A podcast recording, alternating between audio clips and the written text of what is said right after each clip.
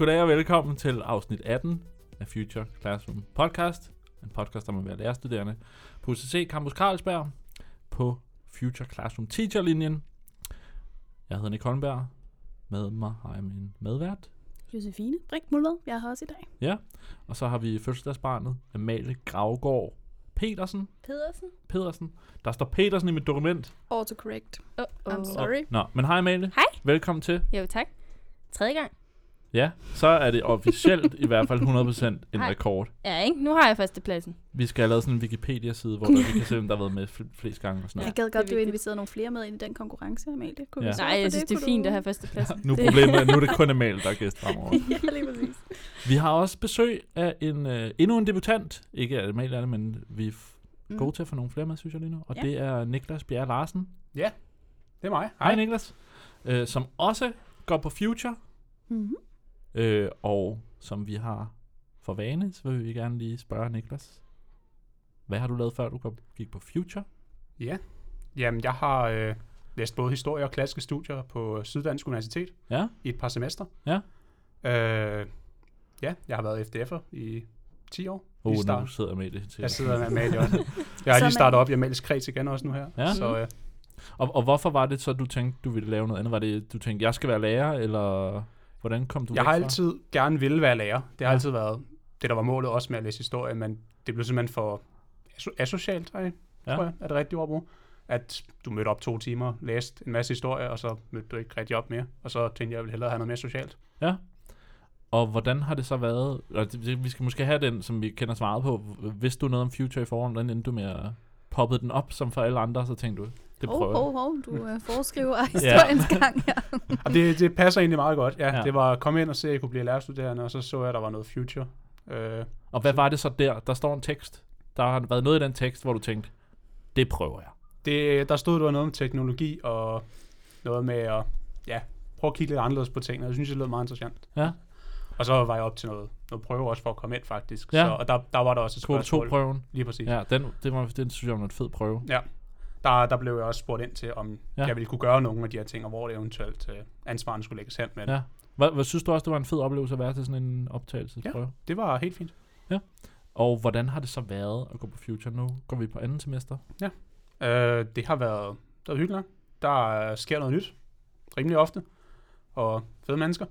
Og, og hvordan har øh, det, jeg forestiller mig, at det har været en anderledes form for undervisning, du har oplevet her, i forhold til universitetet. Ja, det må man nok sige. Altså, det, der har været virkelig gang i den, og man har altid været på, og man har ikke bare siddet og kigget på, Ja. på læreren, der siger noget hele tiden. Er der noget ved den gamle form, du savner?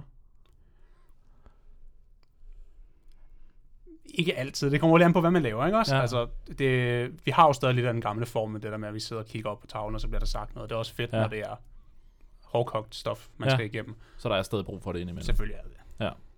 Josefine? Jeg tænkte bare lige, at jeg vil spørge om en ting i den sammenhæng. Nu har jeg jo også selv gået på øh, uni. Og, øh, og jeg tænkte, Niklas, hvordan... Altså noget af det, jeg oplevede, mens jeg gik på Aalborg, det var, at øh, meget sådan... Mange af de fag, jeg havde, dem lærte jeg først, når jeg skulle til eksamen i dem. Jeg fik aldrig rigtig snakket så meget om, hvad det var, jeg rent faktisk lærte undervejs. Selvfølgelig lidt og i nogen omfang. og vi- Der var også en form for studiegruppe der, men det var mere sådan projektorienteret. Men hvordan har du det?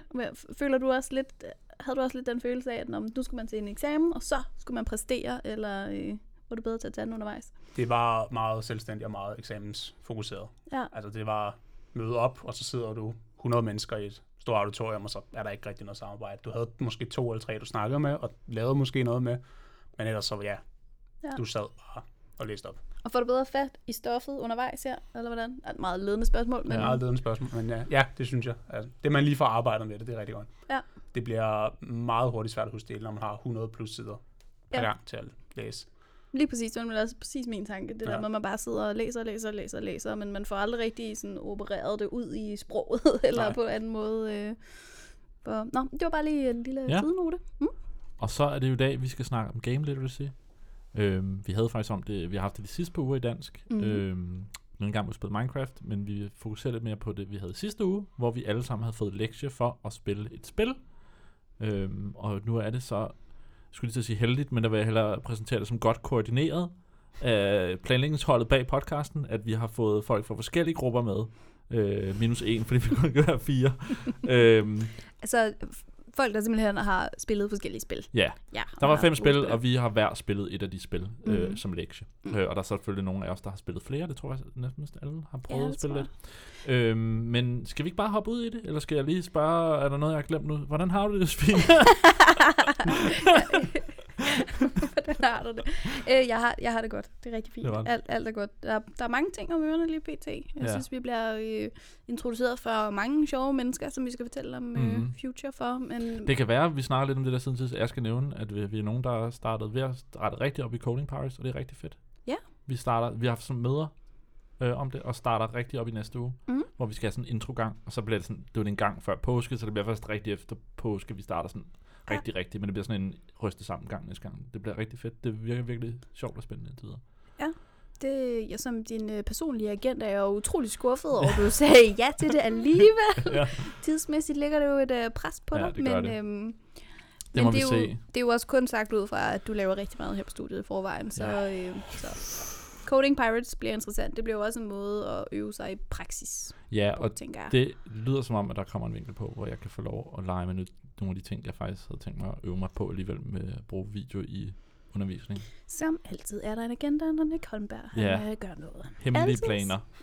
Men øh, bare lige for at øh, sætte øh, spillet op, eller inden vi går i gang her, Ja. så kunne jeg godt tænke mig at høre, øh, hvor er I henne øh, gamermæssigt på en skala? spilskalaen. Fra 1 til 10, hvor at jeg tænker, at 1, det må være mig.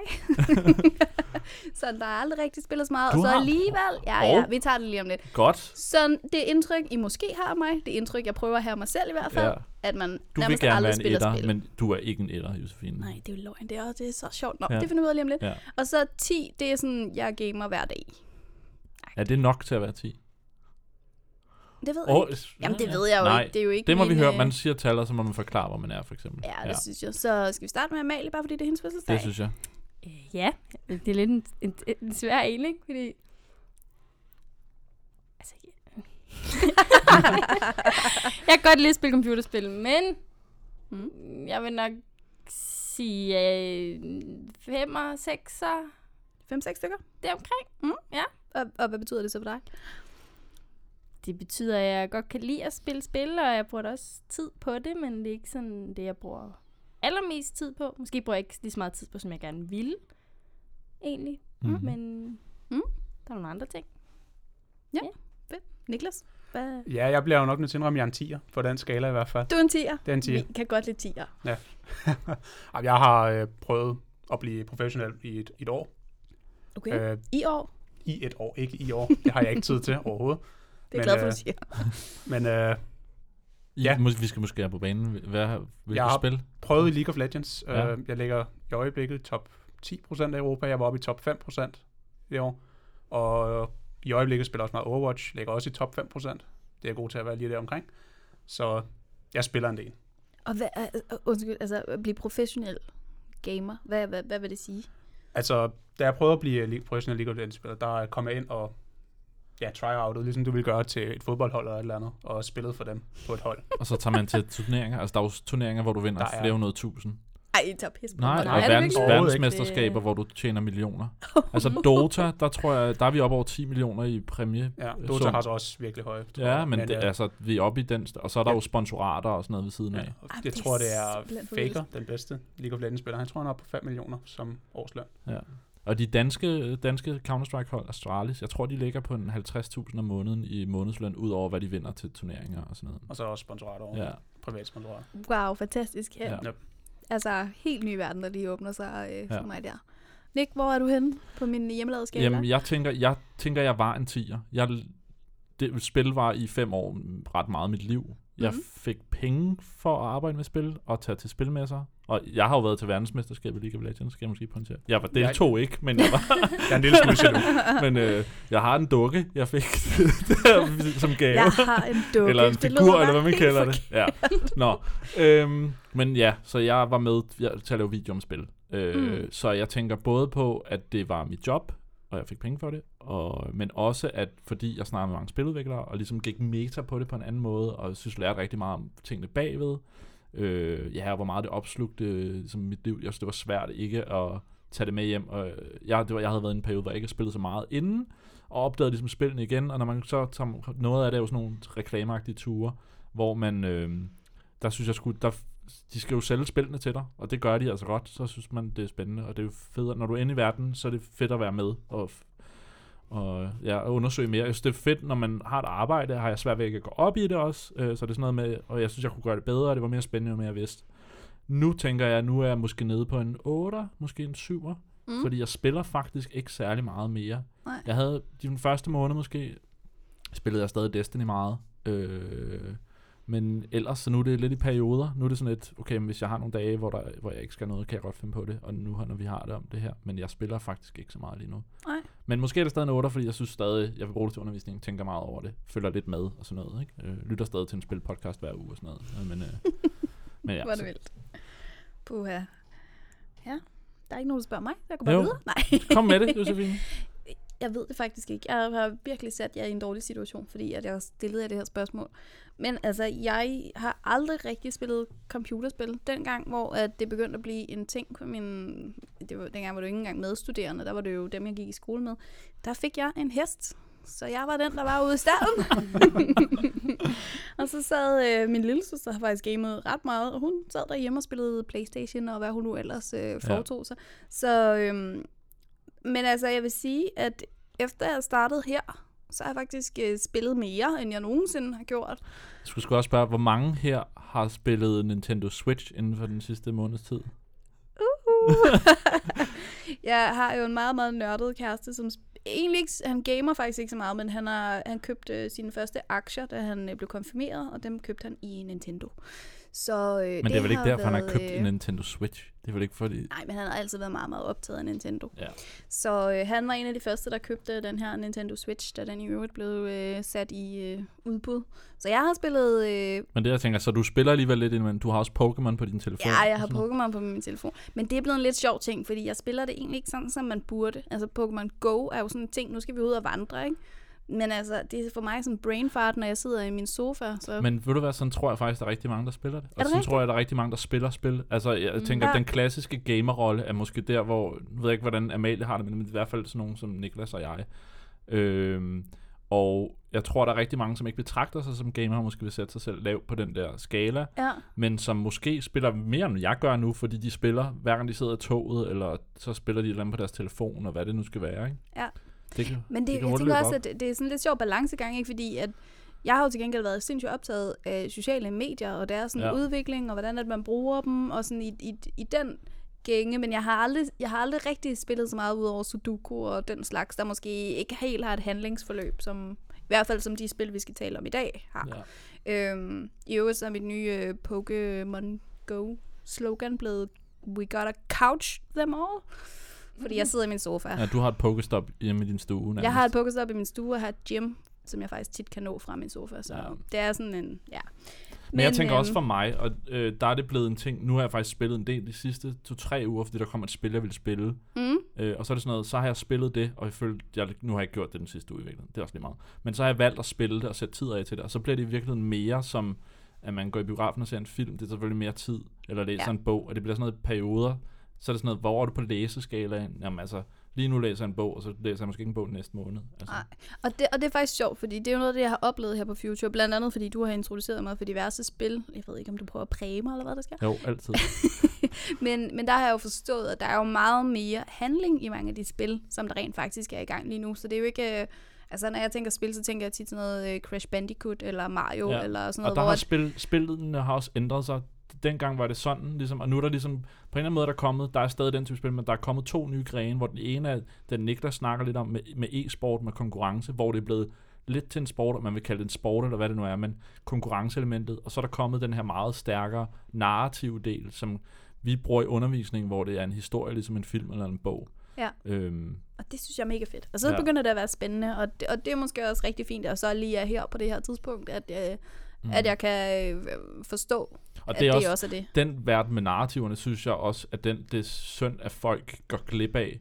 Ligesom jeg vil synes, det er for, synd, hvis folk aldrig ser en film, eller aldrig læser en bog. Ja, De bedste inden for hvert medie, historiemæssigt, det er man selvfølgelig uenig om. Men det er fandme synd, at folk går glip af nogle af dem, for jeg har virkelig nogle gode historier. Ja. Og så kan man så ikke være til sportdelen, hvis det er det, og det er også fair nok. Ja. Og så skal jeg måske Men- evne på den der skala. Nu har jeg sagt ja til at være med på en livestream på mit gamle arbejde senere i dag, så det er det, jeg skal, når jeg skal skynde mig. Og så, så man har stadig lidt en fod i den lejr. Og en måske. livestream, hvor du sidder og spiller, eller hvad? Så vi skal spille en opdatering til det spil. Jeg har spillet rigtig meget, der hedder Destiny. Ja. Øh, og så øh, er der kommet en teaser, og der, det er blevet meldt ud, at den Destiny 2 bliver annonceret officielt i aften. Så der skal vi se den annoncering, og så skal jeg fortælle. Der skal jeg være eksperten og fortælle om det ene og det andet. Sådan der. Så det er fire timer. Nu er det torsdag, vi optager, så man kan ikke se den, når podcasten ude. Man, jeg tror, man kan finde den som arkiv, hvis der er nogen, der synes, det er vildt spændende at høre Mm. mig snakke om Destiny i fire timer. kan være, at vi kan putte den i uh, show notes. Ja. henvisning til. Men øh, jeg synes jo, at vi skal prøve at tage fat i de her spil, vi Ja. har spillet. Øhm, vi har... Øh, vi har haft de her, nu kan jeg ikke huske, nævnte du lige de fem spil? Nej, vi det gjorde jeg faktisk om? ikke. Øh, skal vi starte med at nævne dem? Ja, lad os lige tage dem, og så tager vi dem en for en Ja. bagefter. Ikke? Øh, så det første spil er Brothers og Tale of Two Sons. Der skal jeg måske nævne, det er lavet af Starbreeze. Mm. Og øh, ham, der sådan er, ham, der har måske skrevet og instrueret det, det er sådan lidt, øh, måske svært at forholde sig til de roller, når man er vant til det fra en film, eller hvordan det er. Men øh, han er faktisk en, der hedder Fardes Fardes, som er bror til Josef Fardes, som man måske kender fra de her danske film med Nikolaj Likås, hvad er det, de hedder, Kvinden i buret og sådan noget. Hans bror, øh, som også har været ind over svensk filmindustri, at det er Mm. ham, der har skrevet og fundet på den historie Interessant. øh, og har fået en stor aftale med et studie efterfølgende, efter at have lavet det her spil. Øh, nummer to spil er Inside, som er lavet af danske Playdead. Det er deres andet spil, øh, hvor de lavede Limbo som det første, som er sådan en, det man kalder en spiritual successor, hvor du må sige, de har, universerne ikke direkte noget med hinanden at gøre, men man kan godt se på stilen og nogle af tankerne bag, at, de, at det er samme studie. Mm. Øh, og faktisk også blevet et meget lille dansk studie, som er blevet ret stort, efter de lavede Limbo og har aftaler med Microsoft om eksklusivitet, eksklusivitet om øh, spillet kommer først der. Mm. Tredje spil, is Missing, mobilspil, øh, mm. som skiller sig lidt ud fra de andre ved, at det er et spil, der handler om, at man har øh, telefonen i hånden. Mm. Øh, det er lavet af Monsoon Lab, som jeg faktisk ikke kender. Mm. Øh, fjerde spil, Journey, That Game Company. Det er et, øh, et øh, lille spilstudie, som er sådan en, jeg tror man vil kalde det second party. De har lavet en aftale med Sony, så det er eksklusiv øh, Playstation-spil, de laver. Hvor de lavet en, øh, Playstation og Sony har sådan en aftale, øh, de signer sådan nogle små grupper til at lave spil, og der øh, er det typisk sådan en 60-spils aftale, så betaler Sony en masse penge, som ikke er så mange, når det er et lille hold. Øh, Og så er aftalen, at spillene udkommer eksklusivt til Playstations konsol. Og der var det så det tredje spil i, i den serie af, af tre spil, de har Mhm. skrevet kontrakt på. Øh, og så The Room, som er af Fireproof Games, som også, øh, ja, det er både mobil og et, øh, og et PC-spil, men øh, ja. det kommer vi måske nærmere ind på, når vi kommer dertil. Men øh, skal vi ikke bare øh, starte med Brothers? Hvad, Amalie, det ved jeg i hvert fald, du har spillet. Ja, det var... Øhm, hvad, hvad handler det om? Hvad går det ud på? Hvad, Jamen, altså, altså Brothers, det er, det er et konsol, kon, konsolspil. Ja. Ja. Og nu er jeg sådan, jeg er meget, jeg er meget PC-type, øh, hvis man kan sige det sådan.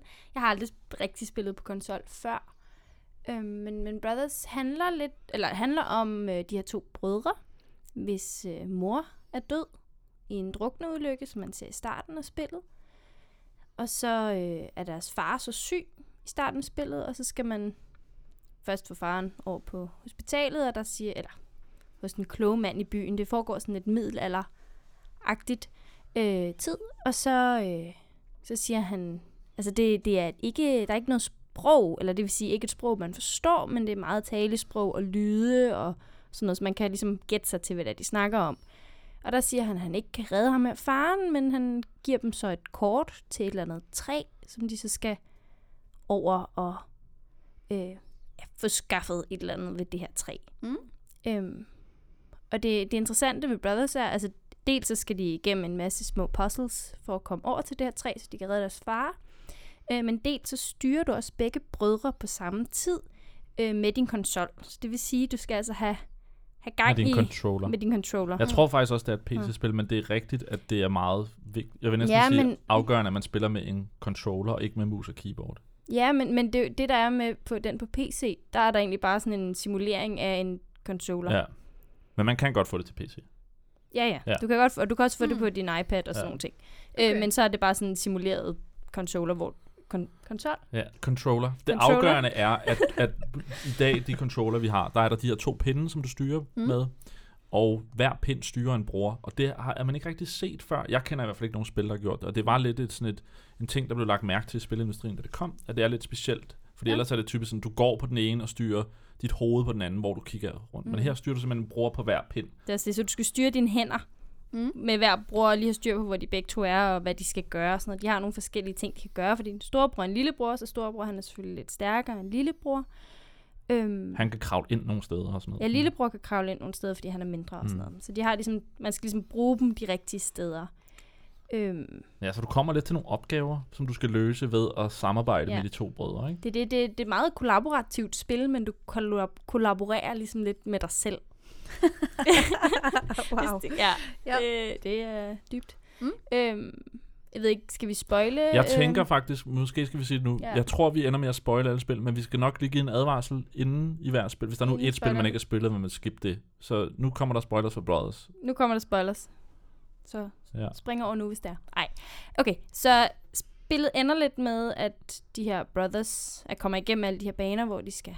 Det er, en, ma- det er sådan lidt puzzles, man skal løse, men det er meget simple puzzles, og det er meget sådan gentagelser og sådan.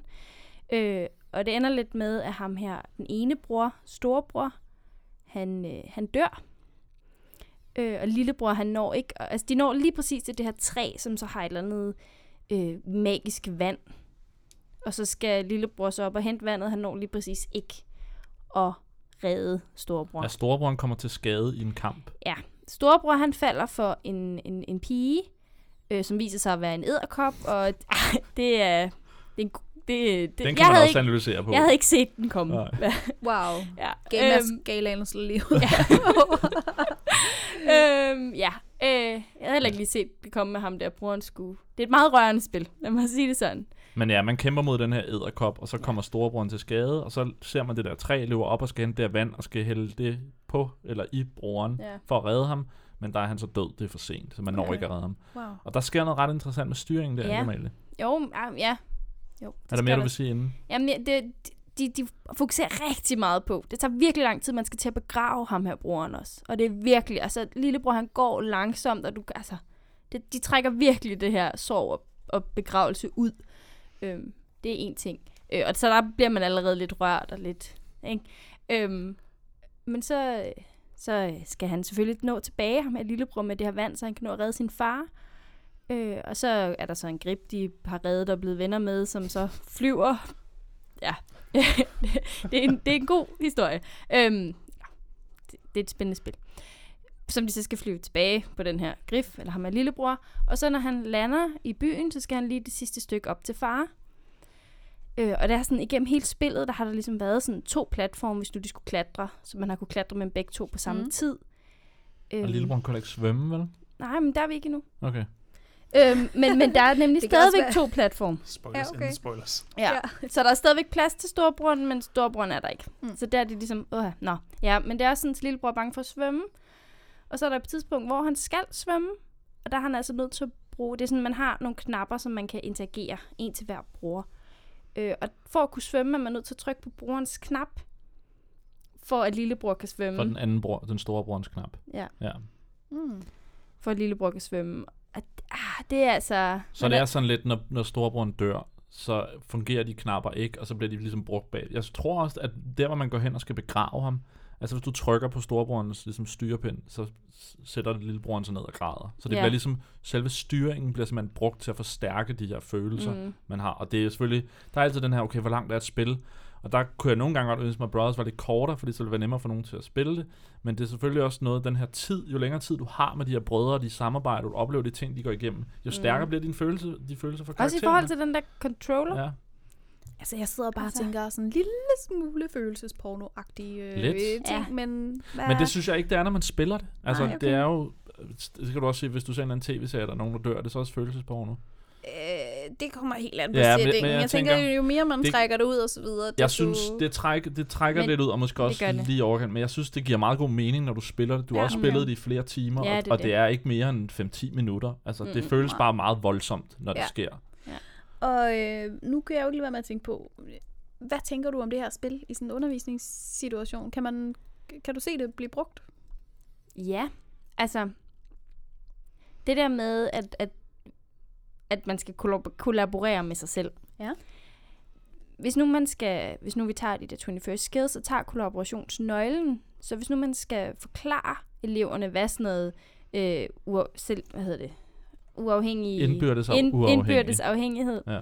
Hvad, hvis nu man skal forklare, hvad det egentlig betyder, Ja. så er det her spil super godt, fordi du, skal, du, kan ikke, du kan ikke komme op ad stigen, hvis ikke storebroren han lige hjælper dig det første stykke og sådan nogle Nej, ting. man kan sådan set ikke gøre det uden. Man skal have begge to. Ja, Storebroren bliver nødt til at løfte den lille op, så den lille kan ikke nå uden, og den storebroren kan ikke nå selv, men han kan løfte lillebroren op. Mm. Og sådan er, er, sådan er hele spillet virkelig Ja. bygget op med opgaver, hvor man har brug for begge. Og man skal regne ud, hvordan man skal bruge styrkerne ved hver mm. bror. Lige præcis. Okay. Øh, så det, det er ret interessant. Og, vi, ja, og der er jo sådan noget med, at man, man kommer til at sætte sig rigtig meget i. Altså man... Jeg har aldrig grædt over et spil før, vil jeg sige. Øhm, Men det fik dig. det fik mig. Det gjorde det altså. Og man, sådan noget med, at man virkelig får sat sig ind i de her fiktive karakterer. Altså det er virkelig, man får virkelig en relation til det her. Mm. Øh, og det, det giver bare også noget. Og også, tror du ikke der, at det, at du spiller det, forstærker det? Helt sikkert. Altså, fordi, også fordi jeg har brugt så mange timer sammen med de her to mm. Mm. brødre, ikke? Altså, vi har flygtet fra trolde og hunde og andet, alt muligt farligt på den her vej, Mhm. ikke? Og man har bare en helt anden relation i forhold til, hvis nu man læser det. Og det kan også give noget sådan, i forhold til, hvis man har læst en tekst, der kan det godt for nogen øh, børn være lidt svært at sætte sig ind i, øh, ind i karaktererne. Det kan godt Mm. være, der står de her blåt hår og grønne øjne og sådan nogle ting. Men, men det der med, at man rent faktisk får noget visuelt, og man får virkelig en relation til de her figurer. Så er der, vil jo være nogen, både drenge og piger, som man bare, så tænker de, at jeg skal spille et spil, og så er de med på at opleve en historie, hvor hvis du Mm. giver dem en tekst, de, så gider de ikke. Så Mm. den der snyde mekanik, eller hvad man skal kalde det, hvor man ja, lokker dem til det. Øh, og så også tænker jeg bare det der med at få en, prøve nogle forskellige medier. Mm. Øhm, Det er også det, det kan bruges ligesom alle andre tekster kan bruges sådan set. For det er en historie, du kan ikke, du kan ikke rigtig gå en anden vej end det historien. Du kan godt gå lidt ud, ud for, men du rører meget hurtigt tilbage ind Okay. i Og det er ret- historien. altså Mm. forholds, det, det er lidt svært at, at styre det der med de to drenge, der skal man lige lære. Mm. Ja. Men det er et forholdsvis simpelt spil. Altså det er ikke det er Meget. et, som jeg, jeg tænker, de fleste ville kunne lære at spille. Det er ikke sådan et, ja, det er ikke på den måde svært og avanceret styring, mm. Mm. hvilket Mm. kunne være en Der er fordel, meget hvis man bruger på det i historien. Ja. ja. Spændende. Mm. Jeg tænker, vi skal til videre til Ja. det næste spil, som er Insight. Ja. Og øh, Niklas, der har du øh, Ja, det-. Det var jeg så heldig at sidde og spille. Og hvad øh, er det? Jo, men det er lidt ligesom Brothers, et øh, ikke helt eventyrspil, men det er et spil, hvor du har den her karakter, du skal have igennem nogle levels. Mm. Um, Men det er det, man kalder et platformspil. Man ser det fra Platformspil, ja. siden, men Ja. de bruger dybden. Selvom man ikke kan gå i dybden, så bruger de dybden med lys og sådan noget. Så det, Ja. ja. så, så det er meget, man føler, der er et mere dybde, end der er. Ja. Mm. Og så er det sort-hvid. sort, næsten sort-hvid. Ja. Det, det Gråtoner. Ja. Gråtoner, ja. Ja. Øh, ja. Ja. Og igen, mange af de indtryk, man får i det, det er ikke sådan, der er ikke ansigt på drengen, for eksempel.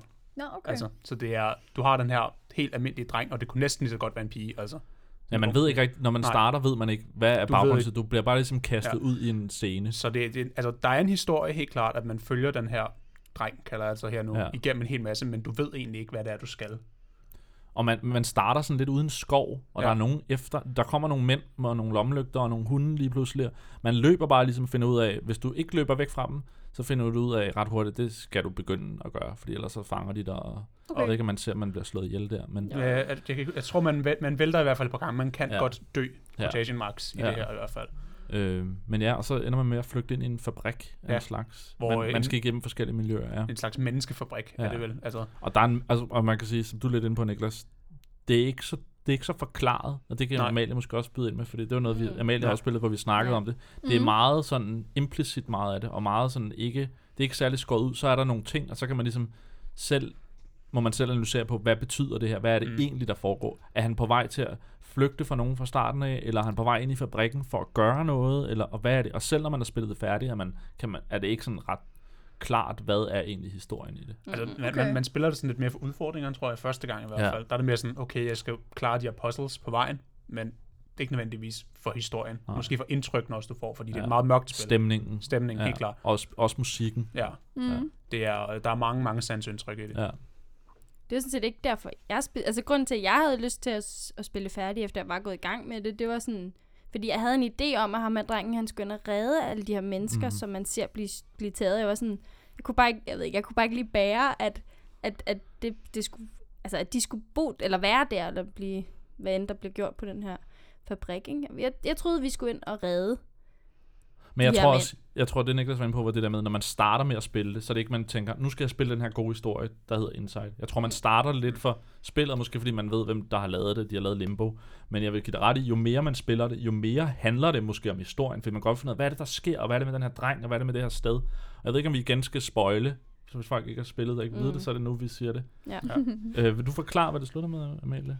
Ja altså, det slutter... Ja, Den, den officielle slutning af ja, ja, jo, ja, der er faktisk to slutninger, men det... Ja. Den, den officielle slutning, det slutter med, at du... Altså, ja, ja, okay. Du, det slutter egentlig med, at du bliver suget ind i en stor blob af Man er ude inde, mennesker. inde i noget vand. Ja, du er inde i noget vand, og så er der ligesom sådan en stor øh, klump af, at det ligner en masse arme og ben, og det er sådan meget abstrakt. Menneskekugle. Ja, ja Og så rører man ind i den kugle, og så begynder man at rulle. ind i den kugle. Så, ja, og så begynder man at rulle rundt, så kan man styre. Man, og lige før har man faktisk fundet ud af, at man først med noget, øh, ved at tage sådan en slags hjelm på, kan styre Ja. sådan nogle zombie-lignende mennesker. Ja. Og så lige pludselig kan man styre den der kugle, så man ruller rundt Det gør, at vi lige skal snakke om, hvad det er, der foregår på fabrikken egentlig. Ja, kort. Jeg tror ja, ikke, vi, fordi det er sådan, vi for ja, fabrikken, det er sådan en, en mind control for fabrik. Øh, og, og i midten af spillet får man faktisk... Altså, man kan tage sådan nogle hjelme på, sådan, så man kan mind control de her mennesker. Øh, og så kan man... Zombie-mennesker. Zombie, der er også ja, nogen, der bare ja, arbejder for, på Ja, det er fabrikken. rigtigt. Der er nogen, som ikke er under mind control. Ja. Øhm, og så er det så på et tidspunkt i spillet, så får man nogle kræfter, sådan, så man både kan trække vejret under vand. ja, der er en sjov lille ting ja. med en pige, hvor man svømmer, Åh, ja, og man bliver er- lidt fanget af sådan en pige, Ja. som, øhm, Meget uhyggeligt. som øh, at man føler er efter en og drukner en, og så finder man faktisk ud af, vi snakkede lidt om det, Amalie, mm. hvor min tanke er, at hun faktisk ikke er klar over, at hun drukner en. Øh, hun, og, og der er der jo den sjove ting, når man spiller det her spil, man kan sige, vi kan ligesom bruge de ting, vi lærer af, at vi dør. Men i hendes historie, der har hun jo ikke dræbt dig endnu. Det er kun os, der ved, at vi har været dræbt nogle gange og lært, okay, hende her skal jeg holde mig fra.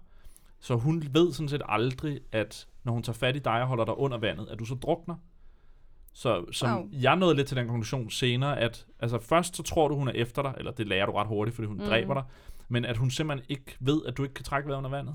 Og så ender du med at få den her evne til at kunne trække vejret under vandet, og til at kunne styre de her mennesker. Mm. Hun Og så, så- giver dig lidt den evne, ikke? Hun, Jo. hun plukker et eller andet ind i dit bryst. Altså hun trækker dig ned, sådan, så du reelt dør, og så plukker hun et eller andet ind i dig, og så får du den her evne. Og så ender det altså med, at du bliver smeltet sammen med den her menneskeklump, som du så prøver at flygte fra fra med, og Mm. ruller ud, og så kan ender du den. udenfor øh, ved at splatte ind i jorden, eller hvad man skal kalde Ja, det. og det slutter bare med, at du triller ned af en, du kommer uden for fabrikken, du triller ned af en bakke, og så kommer du ned i sådan en lyskejle ved vandet, og så ligger du der, og så er det slut. The end. The end. Så det var spoileren, men hvad? Og det her, der er super mange muligheder for at analysere mm. på, både hvad tingene er betyder virkelig undervejs, men også helheden. Og Niklas, hvad tænker du? Jo, men altså igen, som vi var inde på, jeg synes måske, at i en undervisningssammenhæng, der vil du nok ikke spille spillet for dens historie overhovedet. Men hvis du vil komme ind og lave analyser på, sådan, hvad, hvad ser du, hvad føler du og alt det her, sådan, hvad kan, områdeanalyse, er der ikke et rigtigt ord for det? Sådan noget miljø? Miljøanalyse, ja, noget af den stil. Mm. Også det her med, at du kan lave en karakteranalyse på din karakter, fordi Mm. du har en helt blank lavet nærmest. Der er ikke nogen features overhovedet på den her hovedperson. Så Ja. Og, Ja. og I brugte det lidt til sådan en slags Ja. øh, øvelse, hvor man fik, I fik vist noget stemning og noget Ja. ja. forskellige steder i spillet. Vi, øh, vi satte folk ind i forskellige steder, fire forskellige steder i spillet. Det var nej, kun tre dengang. Vi ville have sat fire, men øh, der var nogle tekniske problemer der. Og så ville vi se, hvad for et indtryk folk fik af det her spil i første omgang, og det var meget forskelligt. For eksempel dem, der var først, der blev jagtet, de havde jo selvfølgelig det her med, at det var, det var et eller andet spil med folk, der blev jagtet væk, og man skulle skynde sig væk. Men så samtidig var der dem, der sad ved fabrikken, hvor vi har smidt mænd, og der var sådan noget med, jamen han skal ind i den her fabrik på en eller anden måde. Ja, og lige når man kommer til fabrikken, sker der ikke så meget. Nej, det er stille og roligt. Der var sådan nogle døde grise, så vidt jeg husker, Ja. eller sådan noget. Men Og så man kommer igennem ret forskellige miljøer. ja, Men det er igen måske et spil, som man kan præsentere for sine elever på en måde. Altså ja, igen er det sådan noget, er det for voldsomt? Det kunne man også sige med Brothers. Ja. Det må Mhm. man vurdere. Men hvor de måske til at starte med tænker, jeg spiller bare spillet, fordi det er sjovt. Men hvor Mm. mm. man lige pludselig kan snakke om når de har spillet spillet, har de helt sikkert nogle tanker omkring, hvad handler det her spil om? Forklar det på en eller anden måde. Brug det som en tekst på den måde. Mm, Men jeg vil så sige, altså, man skal godt nok kende sine elever, før man sætter det her spil ind, for det er virkelig dystert. Og, altså, det var sådan, så i, i midten af spillet var jeg sådan, okay, jeg skal, jeg skal ikke spille det her spil, men jeg synes virkelig, det var hyggeligt, men jeg fik så spillet det videre og sådan noget. Men jeg, lever, jeg er også typen, der lever mig meget ind i mine spil. Ja. Øhm, men, men man skal virkelig, det er, det er uhyggeligt. Vi prøvede Mm. mm. faktisk på et tidspunkt også øh, at spille det med nogen fra DFI, der var på besøg her på skolen, Mm. hvor DFI har sådan set været med til at støtte Playdead til at lave det og spille, givet dem nogle penge, ligesom de støtter øh, filmproduktioner. Øh, og det var ret sjovt at se nogle af de her mennesker, som alle sammen var nogen, der ikke spillede før, og deres reaktion på det. Nogen snakkede om, lige pludselig forstod de deres børn, hvorfor de spiller, og de, vi, vi snakker med dem om det her med, for eksempel i starten, hvor du på flugt, den der, du får simpelthen, en, jeg synes, en klar følelse af, hvordan det måske er at være på flugt, end hvis du læser om det. For du, der, der sker noget, når du selv skal trykke, og hvis jeg ikke stopper med at trykke fremad, så kommer der nogen og fanger mig. Og det er Mm. måske også sådan noget, sådan et spil kan. Helt klart. Er det tid til at gå videre? Ja, det tror jeg. Og vi skal faktisk videre til Serious Missing, Ja. Som, som er det spil, jeg har spillet. ja. Øhm, og det er, som du også nævnte lige før, et spil, som man spiller på sin mobiltelefon. ja, det skiller sig ud på den måde fra de andre spil, at det bruger lidt det red, den maskine, du spiller det på, til noget, ikke? Jo, lige præcis, fordi det virker jo faktisk som, fuldstændig som om, at man har fundet en mobiltelefon, Ja. som øh, ja, et eller andet random sted, øh, på en eller anden random person, som man i, i virkeligheden ikke kender. Som hedder Sara. Som hedder Sara i det her tilfælde. Og øh, med hendes, øh, ja, hvad skal man kalde det, personlige assistent, nu kalder de det Iris her, men øh, det kunne være det, vi kalder Siri på øh, i hvert fald. På Men det er også sådan, når man åbner platform. spillet, så ligner det en telefon. Ja, det ligner en telefon. Så det der er en og det ligner, adressebog og en sms-knap og Ja. sådan noget inde i spillet. Men det første, man i virkeligheden kommer ind i, det er den her personlige, øh, det her personlige assistent-univers, som siger, hey, vil du ikke hjælpe mig med at finde øh, hende her, Sara, som er blevet væk? Ja. Og øh, så åbner den stille og roligt op for nogle forskellige ting på telefonen, så man får adgang til mere og mere indhold. Ja. Og, øh, og det er sådan, ja, mails og sms'er og telefonbog, og så det ligner faktisk virkelig meget ens øh, egen, ja, det, jeg ved ikke rigtigt, jeg tror, det minder mest om en iPhone, men anyways. Og hvad er det så, spillet går ud på? Så går spillet ud på, at vi skal finde ud af, hvor hende her, Sara, hun er henne. Ved at kigge hendes telefon igennem. Jeg simpelthen har kigget hendes telefon igennem. Og hele ideen er jo, at øh, man samarbejder undervejs, hver gang der er noget, man er i tvivl om, så kan man lige spørge øh, Iris, som det bliver, øh, om hvad der foregår.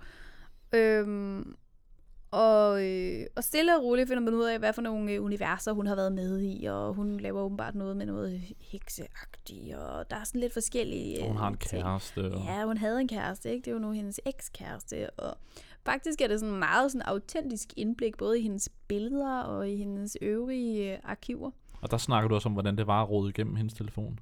Ja, Kan jeg huske. ja, men det var fordi, det var, det var faktisk sådan lidt grænseoverskridende. Ikke så meget på hendes vej. Nu vidste jeg jo godt, det var et spil. Mm.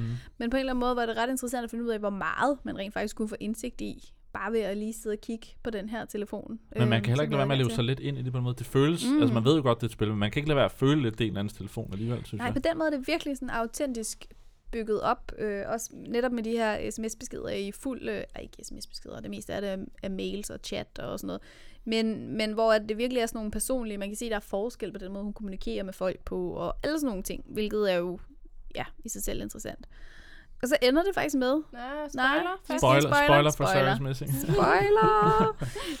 øhm, så ender det egentlig med, at... Øh, og og det er både styrken og svagheden ved det her spil, synes jeg, men at man ikke rigtig har nogen mulighed for at vælge til sidst, om man vil redde hende og Sara, man finder ud af, hvor hun er henne, men man bliver sat i et dilemma omkring, om man vil redde hende eller en anden person. Hvem er det, man skal slå ihjel, Mhm. mm-hmm. bliver man faktisk spurgt om. Og der sker det samme, uanset hvad man gør. Og så, så stopper spillet bare sådan helt vildt Og mærkeligt. noget af det, I også tog frem, det var de her hele vejen undervejs i spillet. Der bliver man faktisk stillet, ligesom, der har du mulighed for, at du skal svare den her... Ja, og det synes AI. jeg jo i en undervisnings... Altså, hvis man skal se på det her spil en undervisningssituation, så synes jeg, det kan nogle, nogle ting som, som platform, hvis man i virkeligheden skal sige det sådan. Øhm, fordi at man får mulighed for at kommunikere med, med både den her personlige assistent, men også med øh, nogle af hendes venner, eller det er lidt utydeligt præcis, om det er nogen, hun kender, eller nogen, hun ikke kender osv. Øhm, men der får man faktisk muligheder for at svare på forskellige måder. Ja. Og det synes jeg ville være sindssygt stærkt, hvis det var bedre gennemarbejdet, sådan at det havde givet nogle forskellige øh, Ja, fordi det svar, du får Udgangen. igen, er, det er forskelligt, men du ender ret hurtigt samme sted. Ja, lige præcis. Så man kan høre sådan en loop, men jeg synes, det være ret stærkt sprogligt, at man kunne se, at man rent faktisk fik noget ud af at tale pænt, øh, eller at man fik en- en større konflikt ud af det, hvis at man talte grimt. Mm. Og det er lidt sådan noget, øh, ja, øh, how are you today, eller what the fuck are you doing, Ja. eller øh, how the fuck should we get on from here, eller det er sådan nogle ting. Hele sproget er jo, eller hele sproget, hele spillet er på engelsk. Ja. Øhm, men, men jeg synes, at det kunne være et perspektiv i, i en undervisningssituation. Og så synes jeg faktisk også, nu er det jo en ting, jeg er rimelig optaget, optaget af det her med sådan digital dannelse og de unges færden og på og nettet. noget. Og, nej, faktisk ikke, Nå. men jeg synes, det er ret stærkt for unge at se, hvor meget man egentlig kan aflæse ud fra, hvad der, er, der foregår bare på deres lille håndholdte device, hvis nogen får adgang til Men de her synes du ting. ikke også, der er noget om, hvad det gør, hvis man så vælger at få eller tage adgang til andres? Tænker hele den følelse, du havde med at Jo. rode igennem en anden telefon, og hvad gør, hvilken følelse er det, og er det okay at kigge i en anden persons telefon? Jo, det kunne man selvfølgelig også godt tale om, og det er jo også en helt, helt klart del af det. Jeg synes bare, at som en eller anden form for Helt oplysningsmateriale fungerer det egentlig bedre, end man siger, uh, du skal huske at sætte lås på din telefon. Ikke? Ja. Så der synes jeg egentlig, det havde sådan en meget fin vinkel, at man kunne gå ind, og lige pludselig kunne man se, hvad hun havde lavet det sidste halve år igennem hendes billeder, og hvem hun havde været sammen med, og hvad for en tone hun havde på over for folk og sådan noget. Det synes jeg kunne give noget. Sådan noget digital øh, fodaftryk, eller hvad man kalder det. Ja, lidt, Ja. ikke? Øhm, men igen vil jeg så sige, jeg synes ikke, det her spil, som det, som det var sat op her, ja, det tror jeg ikke ville være noget, jeg ville tage med i en undervisningssituation. Det var både lidt for uhyggeligt, vi igen ude i sådan noget med, hvad, hvor går grænsen for, Mhm. hvad man skal udsætte sine elever for. Men, men det er måske også, hvor gamle de er, for en ting er, hvis det er, nu har vi udskoling og mellemtrinnet, ikke? men det kunne også være, at der er nogen, der er gymnasielærer, der kunne det måske være mere relevant. Ja, eller det en- tror jeg, nogen, der kan forholde sig til, at, at det nok måske ikke helt er virkeligt, det der foregår. Der er også nogle rimelig klamme billeder, Ja. som bliver sendt til en. Ikke? Mm. Ja, altså, men også i virkeligheden det med, at man bliver bedt om at tage stilling mm. Til, hvad der skal ske med de mennesker, det synes jeg, det synes jeg er at sætte tingene lidt på spidsen. Ja. Og, og så vil jeg sige, som en, der har spillet mange spil, så l- tror jeg, jeg afkodede den der med valgene og sådan noget lidt før, sikkert, end hvad folk, der ikke har spillet, og derfor synes jeg, det var interessant i starten, men ret hurtigt blev uinteressant, fordi det var, selvom den startede med at fake den her rigtige telefon ret godt, så synes jeg ret hurtigt, det blev tydeligt, hvor meget det var et spil, Ja. og hvordan det bare blev en opgave, og, og den del, man sige, opgaveløsningsdelen er måske ikke så godt udført i virkeligheden. Nej, det kan godt være, det er det, der sker. Øhm, og så tændte jeg ret hurtigt af på det, faktisk. Ja. Jeg endte med aldrig at spille færdig. Og når du siger valgene, så tænker du også på de her svarmuligheder og... Ja, og hvordan man så, så skulle man ind i en e-mail og finde en eller anden tekst, og så gør det, hvis du kan svare på det på et eller andet spørgsmål, så åbner den op for, fordi det er noget, noget af det, der sker, det er noget af telefonen er krypteret og sådan noget, Ja, og, eller præcis, data ja. er corrupted, og så kan man løse op, låse op for det, hvad svare på nogle spørgsmål, og så bliver det bare sådan noget, okay, nu skal jeg bare kigge nogle mails igennem og finde nogle svar, og så låser den op for noget andet, og der er der et svar til det næste, og så det Ja. bare sådan en going through the motions ting, Ja. og det synes jeg var lidt uinteressant. Men, øh, Men setupet er virkelig fedt, synes jeg. ja, jeg synes nemlig også, det kan noget, det der med, det bliver så, øh, det bliver så nært på ens egen virkelighed, eller på elevernes egen virkelighed, at, at det kan, det, på den måde kan det noget, som jeg håber, at der er nogle andre, der vil tage i en anden retning, end de lige har gjort her. Og så vil jeg måske Mhm. nævne for folk, der ikke ved det, det hele den her med, med, øh, med svarene med forskellige muligheder, det er jo noget, som jeg tror også Niklas kender til, at det for nogle år siden blev en stor ting med sådan nogle ja. Spil som Mass Effect, og der er Heavy Rain og sådan noget, hvor det handler om, at at øh, historien er mere sådan en, hvor du vælger, om du mm. vil Mhm. være god eller ond, og, og, og, og sige, der har forske- været forskellige grader. Nogen har været meget sådan, svarer du det gode svar eller det onde svar, og der er nogle spil, der har været bedre til ligesom at, at du laver din egen historie med, hvordan du reagerer, og Ja. det meget handler om samtalerne, om den måde, du laver din egen historie. Der er for eksempel også uh, Star Wars The Old Republic, Ja. ja. uh, MMO'et. Ja, som er det MMO, hvor de har taget den del ind Ja. i spillet. Det er decideret, at du skal enten spille som Sith eller Jedi, men der er også den her light og dark side choices for Okay. begge sider. Så selvom du måske tænker, Sith han er ond, så kan du faktisk spille en Sith med Jedi-code, og så forandre spillet. Så du kører stadig de samme missioner, men du forandrer spillet igennem det. Og der betyder det mere okay. Undervejs. Der er det ikke bare sådan en, om hvad svarer jeg her? Men så udvikler det sig, og det kan være, at der er nogle personer, der ikke gider snakke med dig senere, eller når du kommer til en anden kamp, at hvem er de så på din side eller ej? Og, du, mm. og det er ikke sådan, Nå, hvis jeg siger noget pænt til ham, så er han med mig. Det bliver lige pludselig nogle større forgreninger, og det er okay. ret interessant, men det er jo også en rigtig svær ting, og en ting, hvor jeg ved, øh, ham der er instruktør på Heavy Rain og på Beyond Two Souls, som er en franskmand, der er kendt for de her meget historiefokuserede spil, som mere eller mindre kun handler om de her valg undervejs, som øh, næsten er en interaktiv film. at der er det sådan noget med, hvor et filmmanuskript måske er 100-120 sider, så når han har skrevet et manuskript til et spil, så er det 4.000 sider. Ja, men det er jo det, det kunne jeg godt forestille Fordi mig. du Det skal jo skrive og optage alle Ja. ligesom, graderne i Ja. historien, og Ja, det er jo det problemet med sådan nogle Ja. spil, ikke? Men jeg synes i hvert fald, det var, det var interessant at prøve at spille. Øhm, og øh, ja, det giver mig i hvert fald lidt ekstra stof til, eks, eller til eftertanke i øh, hele den her spilkontekst. Helt sikkert. Men jeg synes, vi skal til at komme videre til det næste. Ja, der- Journey, Journey. som øh, der, jeg har spillet, men der er ikke nogen der her, der har været ansvarlig for det. Og jeg synes også, vi kan komme lige komme ind om lidt om på den øvelse, de endte med at lave. Det var Ja, ret fedt. det sidder jeg også og tænker på. Det var rigtig fint. Ja. Men Journey er så det her øh, Playstation-spil, PS3 og PS4. Øh, du bliver kastet ned i en ørken, som det her nærmeste telt, øh, og øh, hvor jeg har snakket med dem, der har lavet det nogle gange, og fortæller om noget af det, de blandt andet har gjort, det er, at det er en person, som er svært at sige, om det er en dreng eller en pige. Mm. Øh, og der er også noget identifikation med det, øh, så forhåbentlig kan alle ligesom identificere sig på en eller anden plan med den her karakter. Du går igennem en ørken, og det er meget simpelt. Du har gå, hop, og så sådan et bip. Du kan sende sådan en morseagtig signal ud. Okay. Og det er det hele. Så det er meget simpelt, og så også kunne være en fordel i en undervisningssammenhæng. Øh, og målet er i virkeligheden, du ser et bjerg i baggrunden, og det bliver ret hurtigt tydeligt, synes jeg, at det er det, du skal, men det er meget, det er faktisk generelt ikke så tydeligt, hvad du skal andet end, du skal nok hen mod det der bjerg. Og, øh, og der er så forskellige små opgaver, du skal løse for ligesom at komme videre. Øh, og øh, spoilers for Journey. Jeg vil ikke så fortælle så meget undervejs. Der er nogle opgaver, hvordan du skal komme videre. Øh, og øh, det ender så med, at du kommer op på toppen af det her bjerg, øh, og falder om og dør. Og så bliver du simpelthen genfødt, og så kommer du igennem sådan en lille proces, hvor der er lidt ekstra bane, og så starter du simpelthen spillet forfra. Øh, og det, der er rigtig interessant, det er, synes jeg, og som virker som, der er sådan en generelle, jeg tror ikke, de ved at sige det officielt, men folk mener, at det simpelthen handler om livet, det handler om rejsen. Mm. Øh, og jeg tror, de fleste har spillet det her spillet alene, men hvis du er på nettet, så bliver du koblet op med en tilfældig anden, der også spiller spillet. Øh, og det gør du inde i hver område, øh, og der kan du så vælge at følge sig ad. Og fordi det er den her tilfældige øh, paren, eller hvad man skal sige, du bliver matchet op med en, og du ikke kan vælge, og der ikke er nogen, der er ikke nogen voice chat, eller nogen chat af nogen form, så har det faktisk vist sig, at modsat de fleste andre online multiplayer-spil, så er folk rigtig søde ved hinanden, og hjælper hinanden. Nej, hvor sjovt. Ja, øhm, og når du så, øh, og du kan ikke se forskel på, hvem det er, du er sammen med. Så i- da jeg spillede det, der troede jeg, at jeg havde spillet med to-tre forskellige. Mm. Fordi så for, nogle gange forsvinder personen, hvis personen, den ene vil måske hen og undersøge noget til siden, og den anden vil bare videre. Men generelt føles man ret meget ad. Eller også kan det være, at man stopper og siger, jeg spiller det færdigt i morgen. Hvad det nu er. Jeg troede, jeg havde spillet med to eller tre. Jeg havde faktisk spillet med seks forskellige. Man ser navnene til sidst. Øh, og så vil jeg give et eksempel undervejs, som, jeg, som rørte mig meget. Jeg var kommet til et sted, hvor man skal, øh, det er mod slutningen, øh, og man skal op ad det her, nu er det gået fra ørken til sne, og man skal op ad det her bjerg, og der er modvind, og det man gør, det er ligesom, der kommer vindstød ind imellem, og, når der er vindstød, gemmer man tilbage ved en sten, så lister man lidt videre til næste sten og gemmer sig. Og vi, jeg har sammen med den her anden, som vi knokler op, og man kan også se, hvordan der kommer frost på ens kappe og sådan noget. Og jeg kommer helt op og skal ligesom ind gennem porten til næste område, og så falder jeg ned. Og så tænker jeg bare, pis. Nu har jeg lige, jeg kan se, nu skal jeg spille 20 minutter om med det her spil. Et spil, mm. der var, ah, det tog mig to og en halv time måske at spille. Og jeg falder ned og tænker, det må jeg gøre. Så går der to sekunder eller sådan noget. Så hopper den person, jeg har spillet med, ned til mig.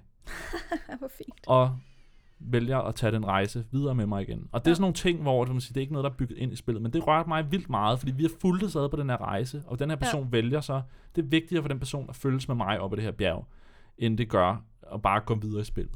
Ja. Og det er sådan noget, jeg synes, det spil kan, hvordan man bliver, og det sidste, specielt hvis du spiller sammen, når du går op ad det her bjerg, og du går langsommere og langsommere, og til så sætter din figur sig ned, så vælter du om, og hvis du gør det sammen, det er simpelthen så rørende. Nej, hvor fint. Ja, og jeg, der tænker jeg igen, det er ikke så tydeligt, hvad spillet handler om, men der er virkelig meget at snakke om med livet, og de her med, man møder, det, nogen spiller måske livet igennem med den samme person, nogen møder måske forskellige mennesker igennem livet, og alle de, altså, der er masser af ting at snakke om, Mm. øhm, som jeg synes kunne være vildt spændende. Er der nogen, inden vi, der, vil, der har spillet det, som vil sige noget, inden vi snakker om, hvad de gør i den øvelse? Er der nogen, der har nogle tanker om det? Nej. Nej, jeg har slet ikke noget Nej, det at- lyder vildt fedt. at være med. Jeg har bare lige set over skulderen på, tror det var, var det Veronica Odin? eller Veronica Odin spillede sammen, ja. Og Ja. spillede det. Og det så meget fint ud. Jeg tænkte, det var et meget sådan, fint univers på Ja. mange måder. Og der, og der er det, jeg ved ikke, hvornår de stoppede, fordi vi endte med at skulle lave noget andet der. Men der er det igen et spil, der tager to-tre timer, hvor jeg tænker, det betyder ret meget, at du, får, at, du, at du for det første ikke bare hopper til slutningen, men at du kommer igennem det her, og den her proces og følges med nogen. Ellers får du simpelthen ikke den følelse. Du kan Mm. ikke bare spille i sidste 10 minutter, og så er der en, der dør, og så tænker okay, fint nok. Men hvis du sætter dig ned og giver den tid, det tager to-tre timer at spille det her spil, så synes jeg, det er vildt rørende, og der er vildt mange ting at snakke om. Ja. Men ja, så i onsdag skulle vi så, hvor vi havde dem til at spille, lave nogle præsentationer. Vi kunne vælge at gøre det på forskellige måder. Og den gruppe, der havde spillet Journey, de valgte nærmest at, lave, valgte nærmest at lave et spil. Ja. Så de gav os... Det kan være, det er dig, der skal forklare det, så jeg ikke sidder og Ja, men og det kan jeg snakker. Ja. Øh, faktisk så fik vi, fej- vi, fik, vi fik udleveret et lille, et lille kort alle sammen. Ja. Hvor der bare stod runde 1. Det gjorde der i hvert fald på mit papir. Der stod ja. runde 1. Rigtig god tur. Og så satte øh, Anne-Sophie ellers øh, scenen og gik. Det kan være, vi lige skal nævne, man fik øh, et link til noget musik. Åh oh, ja, det Man havde jeg faktisk helt ja. glemt. Man, fik et, øh, man fik et link til noget musik, så man blev bedt om at tage høretelefoner Og der på. vil jeg nævne ham, der har lavet det musik. Ja. En, der hedder Austin Wintory. Han er simpelthen super kendt for den musik, han laver, og laver musik til mange ting. Og jeg mener, jeg er 99% sikker på, at det er første gang nogensinde, at noget spilmusik er nomineret til en Grammy i USA. Så det er ret... Han er kendt for at være virkelig dygtig at lave det her sådan orkestermusik Ja, øh, og til mange det var- spillene. Og det var selvfølgelig Meget spilmusikken, ja. vi hørte. Det er det, spil, det er det musik, man hører, når man spiller spillet. Gik. Ja. Og så gik vi. Ja. vi gik en tur rundt på campus, hvilket må have set ret interessant ud for alle andre, fordi vi kom gående cirka 20 mennesker iført øh, høretelefoner med vores telefoner i hånden, Og et papir i den anden hånd. og et papir i den anden hånd, lille Ja. ja. lap. Øhm, og så kom vi tilbage til der, hvor vi havde startet, og så fik vi et nyt stykke papir, hvor der så stod, Runde, runde to. to. Ja. og så stod der en lille opgave Ja. til os alle sammen. Jeg skulle for eksempel øh, finde ud af, hvor mange kvinder der var på den tur, vi skulle ud og gå. Jeg skulle tælle briller, tror jeg. Hvad skulle, Jeg skulle jeg? mænd. du skulle tælle mænd. Jeg skulle Ja. tælle trappetrin. Der, der var wow, nogen, trappetrin. det var lidt ærgerligt, at det lige var også så, fordi der var nogen, der havde sådan noget med tælle eller andet. Der var en af Bolde, på vejen. tror jeg, der var. Der, altså, der, så der var nogen af os, der havde noget, hvor der man skulle tælle virkelig meget, og der var andre, der havde noget, hvor man skulle tælle virkelig Ja. lidt få ting. Og så i virkeligheden gentog det samme scenarie, så jo bare, øhm, Anne-Sophie gik nøjagtigt samme rute med os, og vi gik med øh, lyd i ørerne og talte, hvad end vi nu havde øh, fået som opgave at, øh, at tælle. Og det var egentlig ret sjovt for mig, som ikke... Ja, nu kan vi diskutere, hvor meget computerspil vi spiller, men, men at blive sådan opmærksom på det her med, gud, nu har du faktisk en eller anden form for opgave i det, du laver. Du går ikke bare en tur med noget dejlig musik i ørerne. Nu Og det blev den her rejse, som der også er i spillet. Ja. Ja. Så det var, jeg synes, det var et rigtig godt greb, og det var Det en rigtig fin måde at vise, hvad, det gjorde, at man havde en opgave, eller at man Ja. forstod, hvad det var, man skulle. Ikke? Noget af det, altså jeg synes jo, det var en super fed øvelse, og de fik prøvet lidt det, som det måske er at lave spil, at de skulle finde ud af, hvordan gør man og fordele ulemper. Jeg synes, der er nogle ting, der var rigtig fede. Men jeg synes også, det der var interessant, for jeg er enig, det var en fed måde, de har gjort det.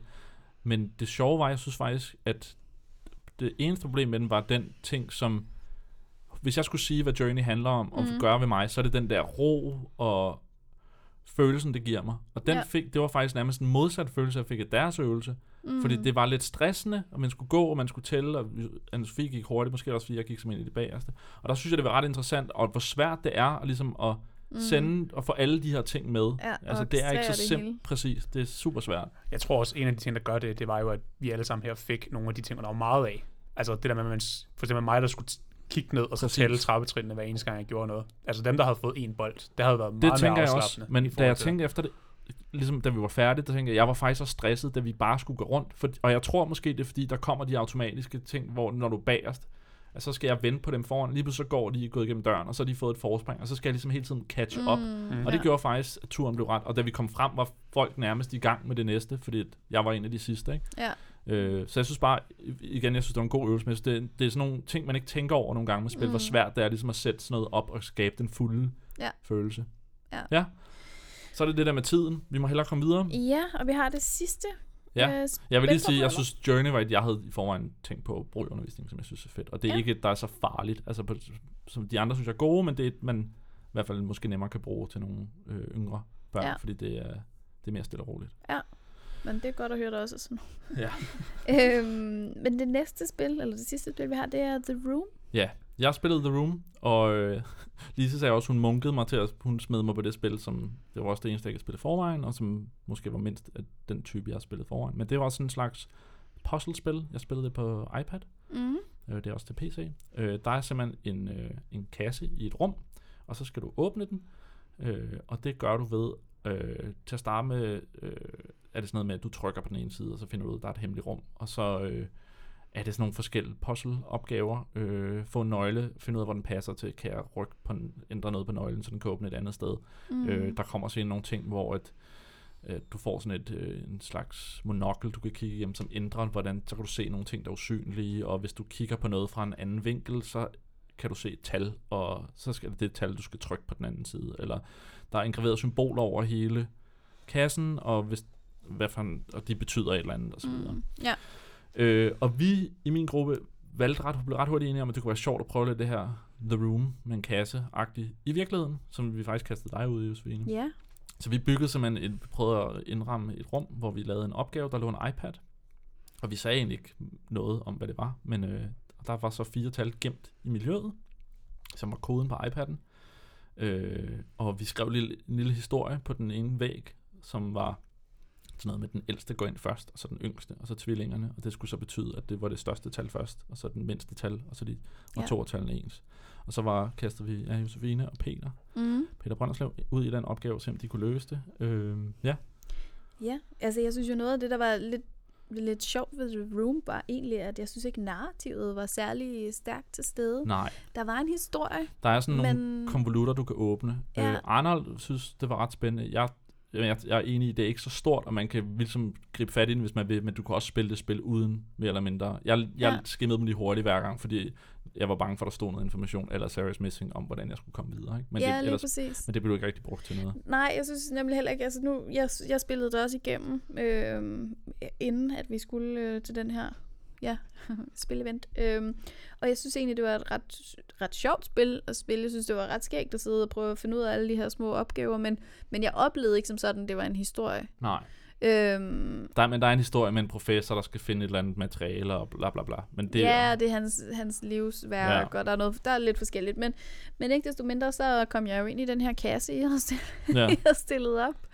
Øhm, og det var på mange måder øh, vildt interessant at faktisk opleve. Øh, nu havde vi så øh, den dag besøg af en masse nordmænd. Mm. Så udover at vi var Future, hvor vi er cirka 20 mennesker, så var der yderligere 20 mennesker, der stod og kiggede på øh, mig og Peter, da vi trådte ind i jeres kasse. Ja.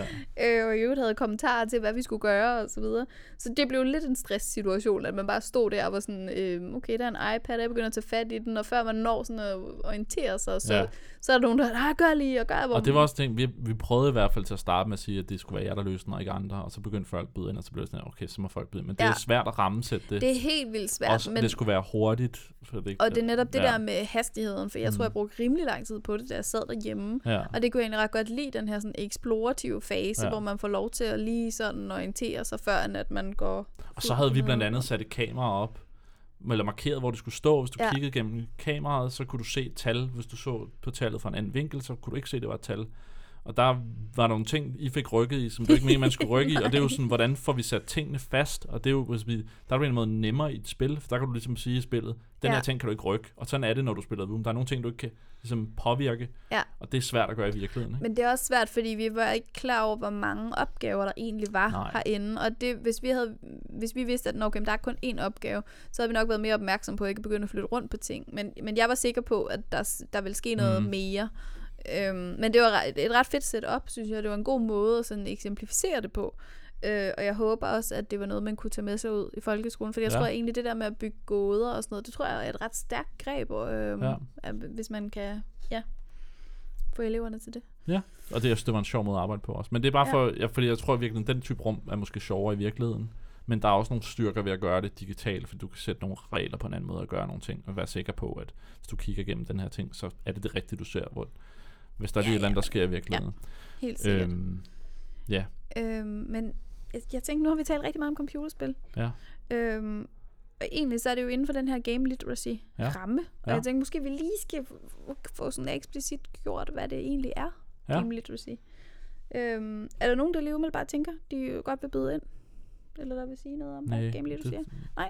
Nå, men vi har jo vi har jo faktisk talt literacy alt, og jeg tror, eller literacy før, og sidste gang Ja. tror jeg, vi endte med et citat, der hedder literacy er alt. ja. Amalie. øhm, I den her kontekst, der handler det jo også om, at, at vi prøver at finde alle mulige forskellige ting, der giver mening for vores elever. ja. Øhm, og, øh, og game literacy er jo en af dem. Det er fordi, at vi ser spil i virkeligheden som en eller anden form for øh, forståelsesramme, som man også skal ind og afkode på. Det er ikke ja, og det er et Altså- medie, som, al, som billeder er, og som lyd er, og Lige bøger. præcis. Og der skal man have et sprog for det også. Ja, og det er netop det sprog og den afkodning, som vi gerne vil ind og, at bruge i vores undervisning fremadrettet. Så det er egentlig ikke for at sige, at nu har vi spillet computerspil, og alt skal handle om at spille computerspil, når vi skal ud og være dansklærer. Men det er bare for ligesom at forstå, at, at der er måske en større åbenhed over for, hvad man kunne se som en tekst. Ja. Mm. Det var bare lige for at lige, lige få, øh, Ja. få den ramme sat. Når det så er sagt, hvad, hvad synes I så om at, at spille både i vores undervisning, men også i, i videre ud i folkeskolen? Ja, jeg synes, at øh, jeg synes, det var fantastisk. Det er noget, jeg selv har nyt hele min, øh, min barndom også. Også da jeg gik i skole, der var også det, der kom hjem, og man havde det sjovt med. Men jeg synes også samtidig, at der bliver undermineret lidt det der med, at du rent faktisk godt kan lære andre ting, end det du decideret skal lære. Mhm. Og det synes jeg, spil giver dig rigtig, rigtig meget af. Ja. Altså, det kan godt være, at du skal endelig lære noget godt engelsk, kunne de her ord, men du får så også noget sjov med igennem spil. Ja. Så der måske nogle gange bliver, bliver glemt lidt, når du har normal undervisning. Mm. Jeg synes bare, det er rigtig vigtigt, det der med, at vi er nødt til at være der, hvor børnene er. Og hvis børnene, eller eleverne er ved spil, så er vi også bare nødt til at kunne forholde os til det medie, fordi hvis ikke de Mm. synes, tekster er interessante, så må vi kunne gøre det samme, men på en anden måde, ikke? Jamen helt sikkert, og Ja. jeg synes også, det er noget af det, der er allervigtigst i hele det her literacy-perspektiv, at det handler i virkeligheden om at sætte, sætte os ind i, hvad børnene er interesseret i, mm. og hvordan vi kan få dem til at blive bedre dansk fagligt til nogle ting ved hjælp af de ting, som Ja. ja. de er interesseret i. Ikke? Så, så det er jo også et spørgsmål om netop, nu, nu har vi talt øh, at skrive glæde i den her uge, mm. ikke? Det er netop det her med at få motiveret nogle børn og sat nogle, nogle ting i spil på en anden måde, end bare her, skrive et eventyr. Ja, og Ja, hvis et barn kan skrive om et spil, de godt kan lide, og få Ja. dem til at skrive, så er det fint. Og igen, ikke fordi, at nu skal alle bøger byttes ud med Nej, spil, nej, men nej. det kan måske være noget, man gør noget af tiden. Ja. Både så de får en for, forståelse for et andet medie, men også så man rammer dem på dem, som synes, spil er fedt. Så Ja. kan du ramme dem, når du spiller. Og i øvrigt jo også, hvis at der er nogle af vores elever, som går, som går helt vildt meget op i noget andet. Ja. Altså, det er jo ikke bare spil, det er, Nej. det er ligesom over en bred Og det palette. kunne sådan set også være brætspil. det kunne sagtens være et brætspil. Øhm, og ja, jeg synes bare lige... Øhm, Ja, ja. Så, og så vil jeg sige, jeg var ret glad for min engelsklærer i folkeskolen, Ja. men øh, jeg vil sige, det meste engelsk, jeg lærte i folkeskolen, det lærte jeg ikke i folkeskolen, det lærte jeg, da jeg spillede en computerspil og se film. Og, Ja. og det er også noget, man ikke skal underkende, af hvor meget, hvor meget det betyder også med motivation, fordi at hvis jeg sidder i et spil, i hvert fald dengang, og jeg godt vil videre, og der står et eller andet ord på engelsk, jeg ikke forstår, så slår jeg det altså op, eller fandt ud af, hvad det betød. Ja. Og det gør man måske ikke nødvendigvis, hvis man læser det, man selv synes, at eleven Mm. mm. synes er en kedelig tekst i folkeskolen. Nej. Så der er virkelig noget motivation der, der kan stø- understøtte undervisningen. Og i virkeligheden tænker jeg jo, de kan jo meget godt spille sammen. Ja. Altså, ja, man kunne sagtens have ham eventyr, og så spille nogle spil, eller altså, at man får ligesom åbnet, øh, åbnet op for nogle genrer, Ja. øhm, ved at have begge dele. Øhm, men Eller egentlig- arbejde med kollaboration og alle de her ting også i forbindelse med spil. Ja, lige præcis. Ja. Ja. Lige præcis. Der er mange ting. Altså en anden ting, der også er lidt vigtigt, det er, at man ikke nødvendigvis behøver at bruge selve spillet som en del af det, du lærer af. Ja. Altså du behøver ikke spille spillet igennem for Nej. at have det. Vi skal for eksempel lave noget engelsk, hvor vi bruger World of Warcraft Character Creation. Ja. Øh, til at få børnene til rent faktisk at forklare, hvordan deres karakter ser ud på engelsk. Og det går ud på, når man spiller det her World of Warcraft-spil, at man, når man starter, så skal man lave sin egen karakter, bestemme hvilken race og hvordan man skal se ud og så Ja, videre. hårfarvet har alt Ja. ja. det her. Så hvis eleven rent faktisk måske har et virkelig dårligt ordforråd, så er det en rigtig god måde at starte op på og sige, hey, her er nogle hårfarver, her er nogle hårtyper, hvor langt hår har det, hvor høj er personen i forhold til det andet. Så du behøver ikke engang rent faktisk at spille, du kan bare bruge udseendet fra selve spillet til rent faktisk at få noget godt ud af det også. Mm. Ja, jeg tænker egentlig, nu er vi igen nået op på en time. Så, øh, Jeg sad lige og tænkte det samme. ja, så selvom øh, jeg godt kunne snakke mere spil, det skal jeg også om lidt, så tror jeg, vi kalder den her. Tusind tak, Niklas og Amalie, fordi I var med. Jamen, Tak fordi du. Josefine. det var fedt. Jo, Og tillykke igen, Amalie. Jo, tak. Man må godt skrive til Amalie på sociale medier og sige tillykke. Tak fordi du vil være med på din fødselsdag, Amalie. Ja, ja, det det, var det er vi meget glade for.